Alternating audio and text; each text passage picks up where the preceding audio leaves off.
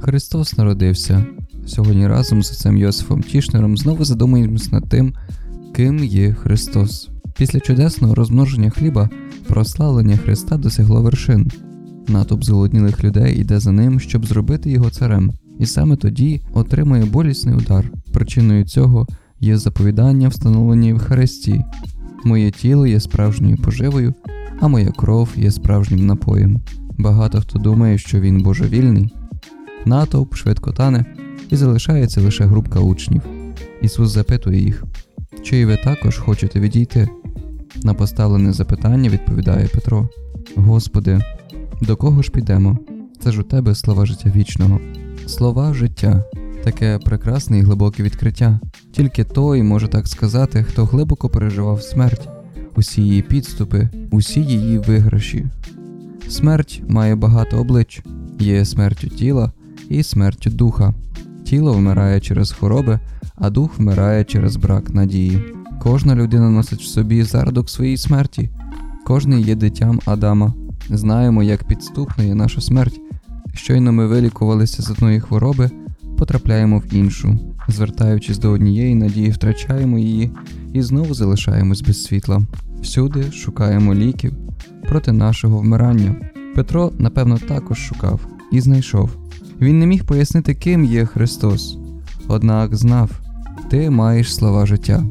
Фраза Петра має подвійне значення. Слова життя це насамперед слова, які випливають з життя, як, наприклад, джерельна вода, вода, яка б'є прямо з джерела. Слова життя це також слова, котрі приносять життя, віддаляють вмирання і смерть. Розважмо одне та інше значення цих слів. Слова життя свідчать про життя, вказують на нього, відкривають нам саме джерело життя.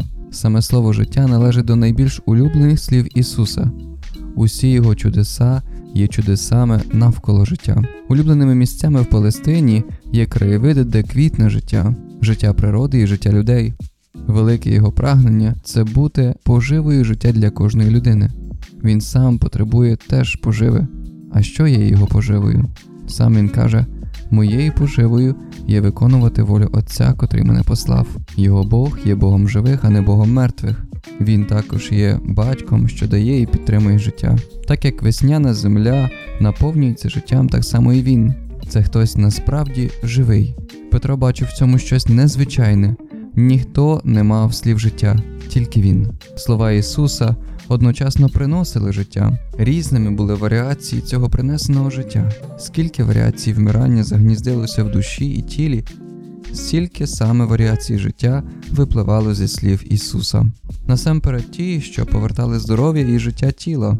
Хочу, будь чистий, прозрій, візьми своє ложе і йди. Біля них також інші, що сягають глибше, повертають сенс життя, дарують надію, сину, відпускаються тобі гріхи. Іди і більше не гріши. Сьогодні будеш зі мною в раю.